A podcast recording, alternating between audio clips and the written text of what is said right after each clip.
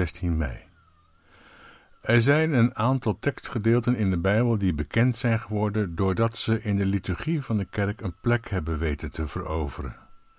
De zegen van Aaron is er één van.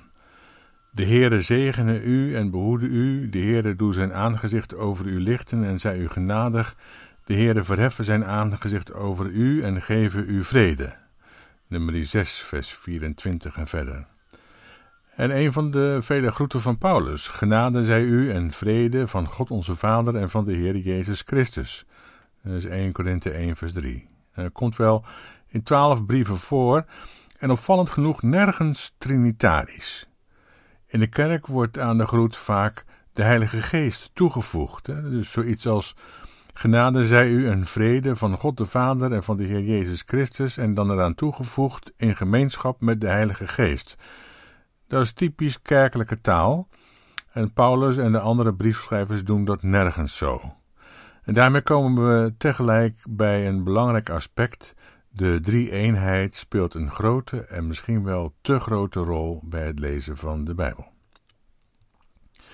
Eén enkele keer wordt de geest erbij genoemd, maar dat is vrij zeldzaam. De vroegste formulering in het Nieuwe Testament die een aanwijzing bevat voor het concept van de drie-eenheid, is die van Paulus in 2 Corinthians 13, vers 13. De genade van de Heer Jezus Christus, de liefde van God en de eenheid met de Heilige Geest zijn met u allen. In elk geval is het goed om te weten dat het trinitarische dogma van één God bestaande in drie personen bij de Bijbelschrijvers vrijwel onbekend is en pas later in de kerk is vastgesteld op verschillende synodes. Ik heb daar geen kritiek op, op het dogma zelf. Ik zou niet durven. Ah, nee, maar ik wijs erop omdat het straks een rol gaat spelen bij het woord vader.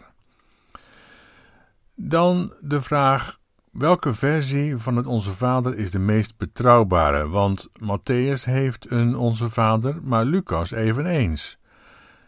Bij Matthäus maakt de tekst deel uit van de bergreden en bij Lucas van de zogenaamde veldreden. In Lucas lezen we, Lucas 11 vanaf vers 1.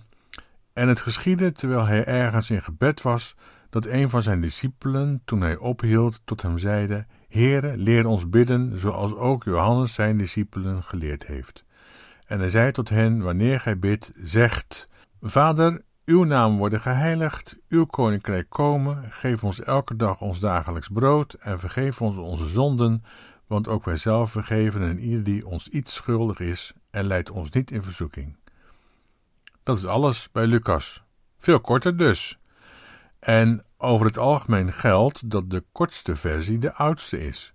Dus dat Jezus eerder zoiets gezegd zou hebben als bij Lucas dan bij Matthäus, lijkt wel heel waarschijnlijk.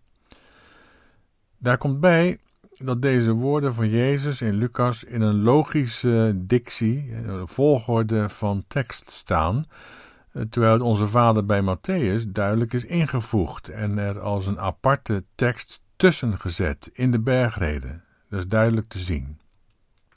Toch gebruiken we eigenaardig genoeg in de kerk en de liturgie de tekst van Matthäus, waarvan het dus minder waarschijnlijk is dat Jezus het zo gezegd heeft. En het Onze Vader van Lucas. Ach, er zijn talloze mensen die niet eens weten dat Lucas ook een Onze Vader heeft. Zo onbekend is die gebleven. Laten we ons dus toch maar storten op de tekst van Matthäus. En daarbij moet ik u waarschuwen. Ik zal u laten horen waar dit krachtdadige gebed over gaat, maar daarna kunt u nooit meer net doen alsof u dat nooit gehoord heeft. Het zou dus kunnen dat ik wat stuk maak voor u en dat u de kracht en de intensiteit van dit gebed van Jezus helemaal niet zo prettig vindt. Als u dat risico niet wilt lopen, dan moet u nu stoppen met deze podcastaflevering. Als u echter wilt weten waar die tekst van het Onze Vader nu werkelijk over gaat, dan zou u verder kunnen luisteren.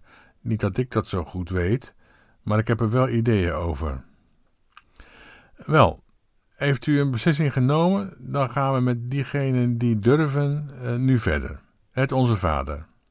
Het is een onderdeel van de bergreden, zoals gezegd. Het gedeelte van de bergreden waar het onze Vader voorkomt, is een gedeelte dat uit drie gelijk opgebouwde tekstgedeelten bestaat. Een soort drieluik dus. Matthäus 6, daar moet je zijn. Het eerste gedeelte gaat over aalmoezen geven, dan over bidden en ten derde over vasten. En de opbouw is steeds gelijk. Wanneer gij aalmoezen geeft, wanneer gij bidt en wanneer gij vast, doe dan niet als de huigelaars, want ze hebben hun loon reeds. Want uw vader die in het verborgene ziet, zal het u vergelden. Dat is steeds de structuur. Aalmoezen geven en bidden en vasten doe je niet in het openbaar, maar in het verborgene. Want als je dat in het openbaar doet, dan heb je er belang bij dat men dat van je ziet. Dat heeft iets van: kijk ons eens, goed hè? En dat belang wil ik niet, zegt Jezus. Dat belang om je in het openbaar te vertonen, om er goed mee voor de dag te komen, maakt de zaak waarom het gaat helemaal kapot. Overigens geldt dat dus ook voor het gebed. Jezus zegt: Wanneer gij bidt, ga in uw binnenkamer, sluit uw deur en bid tot uw Vader in het verborgene. Want in het openbaar kun je alleen maar die dingen bidden die in het openbaar toegestaan zijn. Je kunt daar niet de dingen bidden waarmee je de machthebber voor schut zet. En dat doe je als je bidt. Je hebt namelijk een andere Heer te dienen dan de wereldse machthebber. En als je bidt zoals het hoort, dan kan dat om die reden dus niet in het openbaar. Het is goed om dat in je oren te knopen, zou ik zeggen. Jezus was, wat hij ook was, bepaald niet evangelicaal of missionair. Hij was niet van de exposure, zeg maar. En ook de gewoonte om de klok te luiden, een klein klokje, als in het kerk het Onze Vader wordt gebeden, is uitermate charming, maar toch een vorm van ongehoorzaamheid tegen dit woord van Jezus. Wel, terug naar de tekst. Als je nu het tekstgedeelte van het Onze Vader ertussenuit zou halen, dan zou het hele stuk veel beter lopen qua opbouw. Eigenlijk komt het Onze Vader er stilistisch wat lelijk tussen. Vers 8: Uw vader weet wat gij nodig hebt eer gij hem bidt, zou dan naadloos overgaan in vers 16 en wanneer gij vast en zo verder. Het woordje God is toegevoegd later en hoort dus niet in de tekst thuis en staat daarom dan ook terecht tussen rechte haken. Want God, uw vader, weet wat gij nodig hebt, moet dus zijn want uw vader weet wat gij nodig hebt, eer gij hem bidt. In het begin van het gedeelte, hoofdstuk 6, vers 1, gaat het over uw vader die in de hemelen is. En daarna in dit gedeelte nog vijf keer over uw vader. Nergens wordt het woord God gebruikt dus. God uw vader of zoiets. Ik kom daarop terug. Ook op dat meervoud, hemelen, uw vader die in de hemelen is. Het Onze Vader heet het Onze Vader omdat dat de eerste woorden zijn van de tekst. Dat is niet ongewoon. Dat is gewoon net als het Wilhelmus. Het Wilhelmus heet zo omdat het zo begint. Wilhelmus van Nassau. Maar dan hebben we meteen een van de meest interessante aspecten te pakken. We hebben gezien dat het woordje God is toegevoegd één keer, maar dat dat dus corrupte tekst is en dat het in dit hele gedeelte keer op keer gaat over uw Vader die in de hemelen is. Dat woord hemelen valt op, dat is meervoud namelijk, terwijl het Griekse woord voor hemel in principe enkelvoud is. De Bijbel in gewone taal maakt er voor het gemak maar enkelvoud van, maar dat komt omdat die vertaling een afkeer heeft van het Joodse karakter van het Nieuw Testament. Hemelen staat hier in het meervoud omdat het een vertaling is van het Hebreeuwse woord Hashemayim. En dat is nu eenmaal een meervoud. Bereshit bara Elohim et Hashemayim we et haaretz. Hashemayim is een grammaticaal meervoud in het Hebreeuws. Net, net als ons Nederlandse woord uh, hersenen. Dat is gewoon een meervoud, altijd. Dat hier het meervoud wordt gebruikt, wil iets zeggen te meer daar verderop in de tekst het woord hemel in het enkelvoud staat. Onze Vader die in de hemelen is en verderop, uw wil geschieden gelijk in de hemel, alzo ook op aarde. Dat het meervoud hemelen wordt gebruikt wil zeggen dat dit gebed gericht is tot de God van de Hebreeuwse Bijbel, de God van het Oude Testament, en niet God in het algemeen, ook niet de christelijke dus. Dat onze is wel een belangrijk woord, ook meervoud, dus niet mijn God, maar onze. En de boodschap van het Nieuw Testament is deze: Onze God is ook jullie God. Onze God, de God van Exodus, is ook jullie God, jullie die geen Joden zijn. Dus wanneer wij in de christelijke traditie bidden Onze Vader, dan moeten we dat van meet af aan meehoren. Het is de God van het Oude Testament die dankzij Jezus ook onze God geworden is. Of eigenlijk ligt het nog dieper in de Hebreeuwse schriften. Het is dankzij Abraham. Zo richt Paulus de zaak in.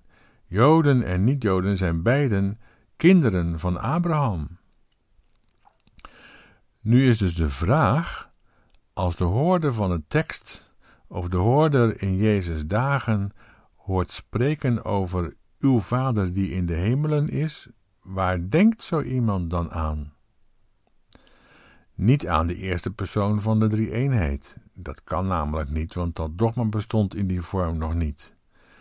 Ik wil u een paar teksten laten horen om aan te geven welk beeld er opgeroepen kan zijn als het gaat over onze Vader in de hemelen.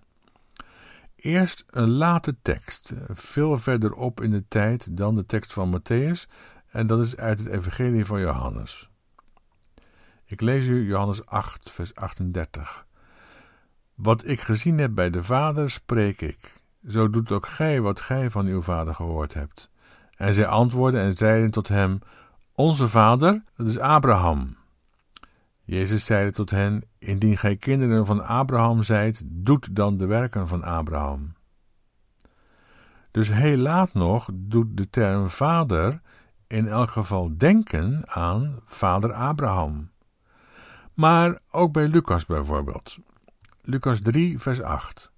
Brengt dan vruchten voort die aan de bekering beantwoorden. En gaat niet bij uzelf zeggen: Wij hebben Abraham tot vader, want ik zeg u dat God bij macht is uit deze stenen Abraham kinderen te verwekken. Dus dat Abraham onze vader is, is niet eens een kwestie van eigenmachtig dat zo zien. Dat maakt de kwestie wel spannender natuurlijk. En even verderop in Lucas lezen we dan het volgende.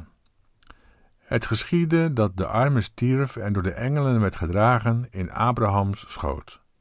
Ook de rijke stierf en hij werd begraven. En toen hij in het dodenrijk zijn ogen opsloeg onder de pijnigingen, zag hij Abraham van verre en Lazarus in zijn schoot. En hij riep en zei: Vader Abraham, heb medelijden met mij en zend Lazarus, opdat hij de top van zijn vinger in water dopen en mijn tong verkoelen, want ik lijd pijn in deze vlam. Maar Abraham zeide: Kind, herinner u hoe gij het goede tijdens uw leven hebt ontvangen en insgelijks Lazarus het kwade. Nu wordt hij hier vertroost en gij lijdt pijn. Dat is Lucas 16 vanaf vers 22. Daarmee krijgen de werken van vader Abraham al wat meer contour natuurlijk. Hè? Dat gaat blijkbaar over de vertroosting aan de armen. Het is Jezus die het verhaal van de naamloze rijken en de armen die met een naam genoemd wordt, uh, vertelt. En in het verhaal dat Jezus vertelt, het enige verhaal ooit over een soort van hiernamaals, uh, waarin je zou verwachten dat de gelovigen in de hemel komen en de ongelovigen in de pijn en in de vlam, gaat het er wel iets wat anders aan toe. De arme, Lazarus, hij komt in het hiernamaals terecht in de schoot van Abraham. En het is vader Abraham die het in dit door Jezus geschilderde hiernamaals voor het zeggen heeft. En dat vader Abraham daar de scepter zwaait, is zelfs voor de rijken blijkbaar geen verrassing, want hij weet onmiddellijk dat het Abraham is die Lazarus vertroost. En de rijke gebruikt dan ook het woord waar het hier om gaat: Vader Abraham, Vader Abraham, zend Lazarus. Zoals je zou kunnen zeggen: God de Vader zendt Jezus. waarbij vader Abraham equivalent is van God de Vader en Jezus equivalent is van Lazarus. Wel nu, dit laten we voor wat het is verder, want de eerlijkheid gebiedt te zeggen dat ik deze connectie al eens aan een aantal geleerde theologen heb voorgelegd en die zagen er helemaal niets in. Onze Vader die in de hemelen zijt. En dan volgen drie gebeden met u en uw en het verdient aanbeveling, zoals de Naardense Bijbel doet, om daar de nadruk op te leggen. Dan krijgt de hele tekst structuur namelijk. Eerst u en uw en dan een wending van de hemel naar de aarde en dan eindigend in ons en onze. De beweging die de tekst maakt is dus niet van beneden naar boven, maar van boven naar beneden, van de hemel naar de aarde, van u en uw naar ons en onze. Bovendien, als je zegt uw naam worden geheiligd, dan is dat in weerwil van al die andere namen die door ons maar al te snel worden geheiligd, of die wij zouden moeten heiligen. De reclamezuilen en de commercials staan er vol mee met namen, namen, namen, namen. In het Hebreeuws is het shame. En dat shame is wel wat meer dan een naampje voor het beestje te bedenken.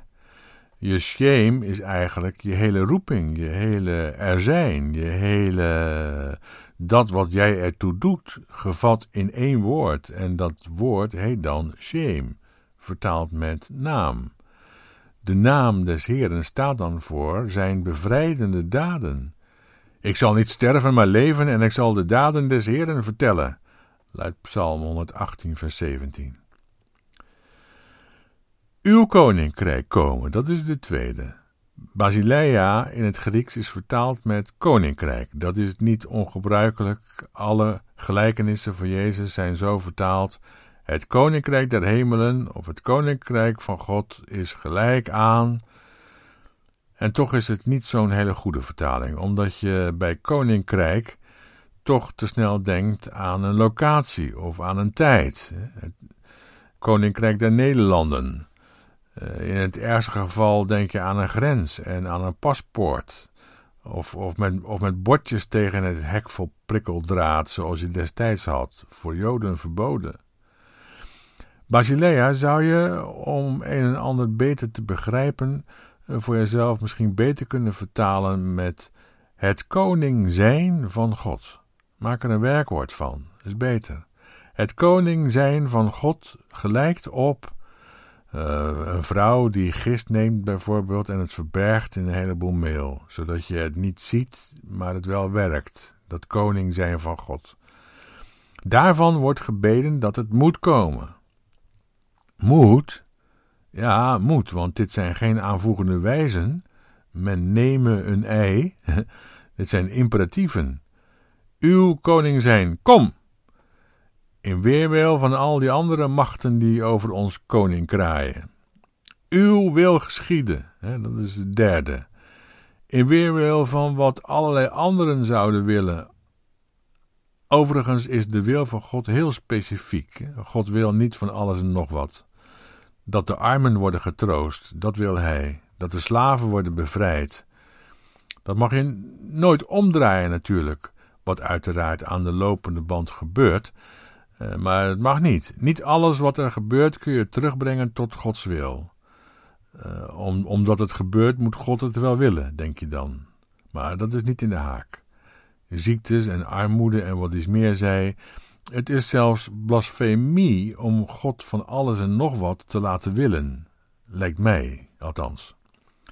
God is namelijk niet onduidelijk over wat hij wil, maar dan moet je wel het begin nog in je gehoor hebben. Het gaat hier niet over een God in het algemeen, een van de hummers boven de wolken, zoals professor Miskolte dat placht te omschrijven. Het is niet de god van de filosofen waar Bonhoeffer tegen ten strijde trok. Het is de gans andere die zozeer anders is dan de goden, dat het de vraag wordt of je die nog wel God kunt noemen. De God van het Oud Testament is het, en geen andere. En die wil niet van alles en nog wat, die wil de bevrijding van de slaven en kiest partij tegenover de farao, zijn directe tegenstander. Daarom zegt Jezus zo nadrukkelijk: Wie oren om te horen heeft, laat hij horen. Want om te weten wat God wil, moet je niet kijken naar wat er gebeurt, want dan weet je nog helemaal niks, maar horen naar de woorden van Exodus met name. Jezus citeert even verderop in Matthäus 9 en nog eens in Matthäus 12: Barmhartigheid wil ik en geen offeranden. Barmhartigheid, dat is wat ik wil, en geen offer. Voorwaar een godspraak die in veel christelijke dogmatiek heilzaam zou hebben gewerkt als die een rol had mogen spelen. Maar dat God van deze Jezus het bloed zou willen zien en zijn leven als een offerander zou opeisen, daar wemelt het van in de christelijke literatuur, helaas. Dan volgt de overgang van hemel naar aarde. Uw wil geschieden, gelijk in de hemel, alzo ook op aarde. Er bestaat een hardnekkige neiging om hemel en aarde om te draaien en ervan te maken: Uw wil geschieden op aarde zoals in de hemel. Dat zegt wel ongeveer hetzelfde natuurlijk, maar niet helemaal. Als je zegt: In de hemel zo ook op aarde, dan zeg je dat het in de hemel volgens Gods wil is en dat je dat ook op aarde afbidt. Dat lijkt me ook pastoraal belangrijk, dat je dat woordje ook erin laat. Je durft toch alleen iets voor de aarde te verwachten wanneer het in de hemel goed is en de beweging van de hemel naar de aarde toe wordt gemaakt. Anders wordt het hier op aarde wel een wat kansloze exercitie. Overigens betekent Eretz in het Hebreeuws zowel land als aarde. Het land Canaan als pas prototo voor de hele aarde. Maar dat aspect laten we nu even rusten.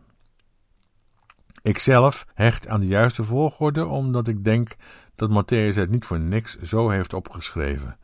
In de hemel, alzo ook op aarde, en niet andersom.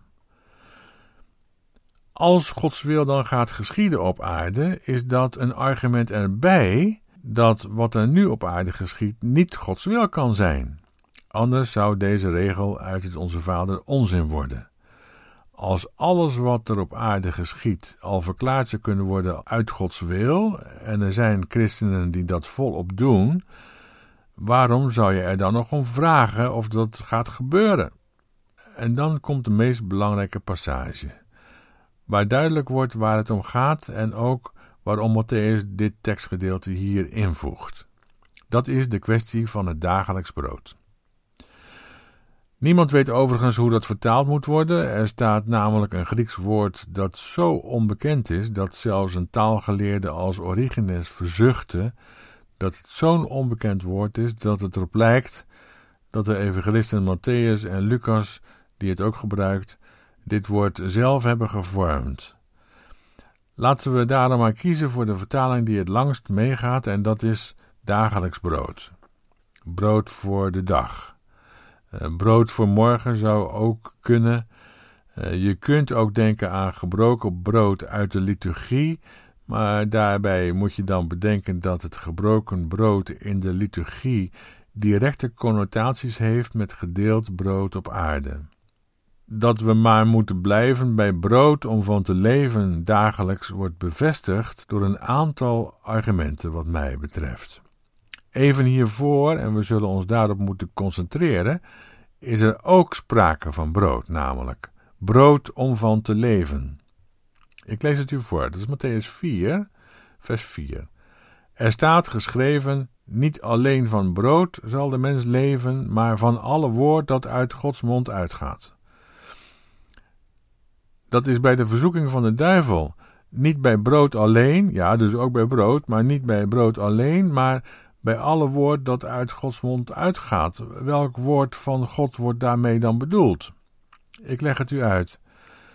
Als het volk uit Egypte is bevrijd en op reis is door de woestijn, vinden ze ineens s'morgens iets op de grond, waarvan ze vragen: Wat is dit?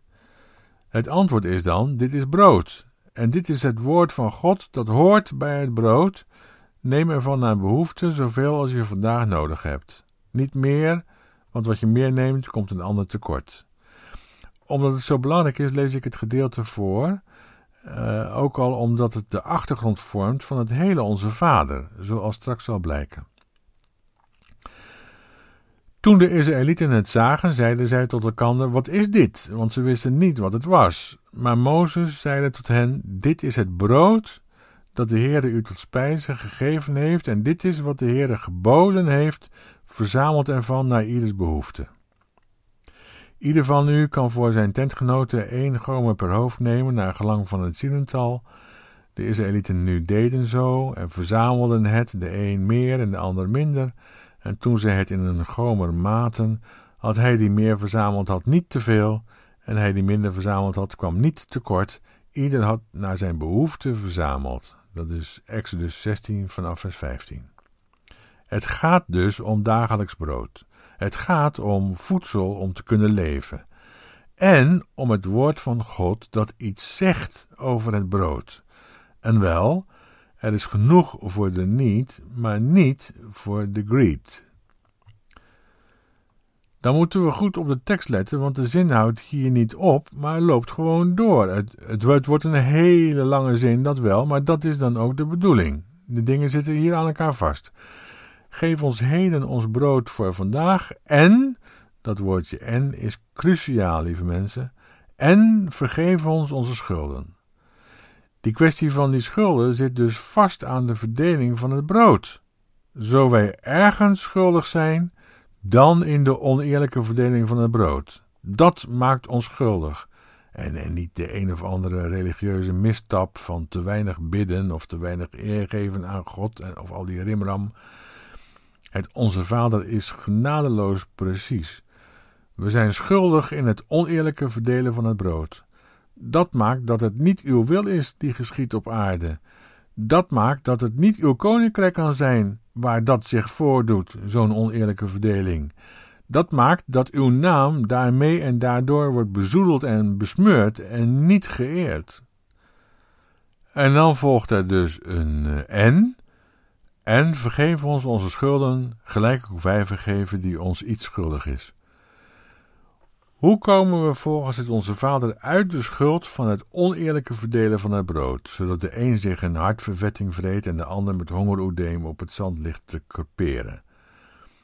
Door meer brood? Dat zou aantrekkelijk zijn. Als we nu zorgen voor wat extra brood voor de arme kinderen, zou dat niet wat wezen? En dan lenen we dat uit, waarmee er wel schuld wordt opgebouwd natuurlijk, want we willen onze eigen bezit niet in waarde zien kelderen, maar dan doen we toch wat goeds voor de wereld, toch? Ja, toch? Zeg eens iets. En het Onze Vader zegt keihard: nee, forget it. Het Onze Vader kent maar één uitweg en dat is het kwijtschelden van de schulden. Een andere weg is niet toegestaan. In dit gebed althans. Maar ja, niemand is verplicht dit gebed te bidden. Niemand wordt ook gedwongen Jezus te volgen. Alleen wie ervoor kiest om het te doen, mag er geen slag na gaan slaan en ondertussen gewoon doorgaan met dat wat tegen Gods wil is, oneerlijk verdelen en zo schulden opbouwen. En net voor we diep gaan ademhalen met de prangende vraag of we dit gebed zo wel zonder blikken of blozen uit onze vrome mond kunnen krijgen, volgt er nog een en. En leidt ons niet in verzoeking. Welke verzoeking kan zijn bedoeld? Wel, precies die verzoeking die Matthäus hiervoor beschreef in hoofdstuk 4. Die verzoeking van de boze namelijk, die tegen Jezus zei, wat ben je toch moeilijk aan het doen? Maak van alle stenen brood. Dan is in één klap het hele hongerprobleem de wereld uit en jij bent de bink, voor eeuwig. Jongen, dan ben je pas echt de Messias der Messiassen, als jij zorgt voor zo'n overdaad aan brood, dat er geen honger meer is dat is een verzoeking van de boze, om dat als oplossing te zien of te willen. Om iets te bedenken dus waarbij je dat wat je gegraaid had niet uit handen zou overgeven en alles wat er is eerlijk zou moeten delen. Het is een verzoeking van de boze om, zoals zondag 10 van de Heidelberger het aandurft, te beweren dat honger en armoede van God komen Leid ons niet in de verzoeking waar Jezus in werd geleid, want hij hield stand tegenover de boze, maar wij hebben te slappe knieën en zullen voor die verzoeking bezwijken. Doe ons dat niet aan, o Vader, en verlos ons van de boze en zijn verzoeking. Hier eindigt de tekst. Op het hoogtepunt dus. Hier is namelijk alles gezegd. Meer hoeft er niet gezegd te worden. Maar er was ooit een monnik die bij het overschrijven moet hebben gedacht: ja, dat is niet zo'n mooi einde, hè? De boze. Daar maak ik een mooi einde aan. En die heeft toen eigenhandig toegevoegd: want van u is het koninkrijk en de kracht en de eerlijkheid tot in eeuwigheid. Amen. Maar ja, dat is dus weer corrupte tekst en die hoort er echt niet in. Goed, tot zover over het Onze Vader. Ik hoop dat ik niet te veel voor u heb ehm, stuk gemaakt. En eigenlijk hoop ik dat u het gebed nu mooier bent gaan vinden dan ooit. In elk geval bedankt voor het luisteren. Ik wens u een goed weekend. En tot volgende week voor weer een nieuwe aflevering van deze podcast Scheiding van Kerk en Haat.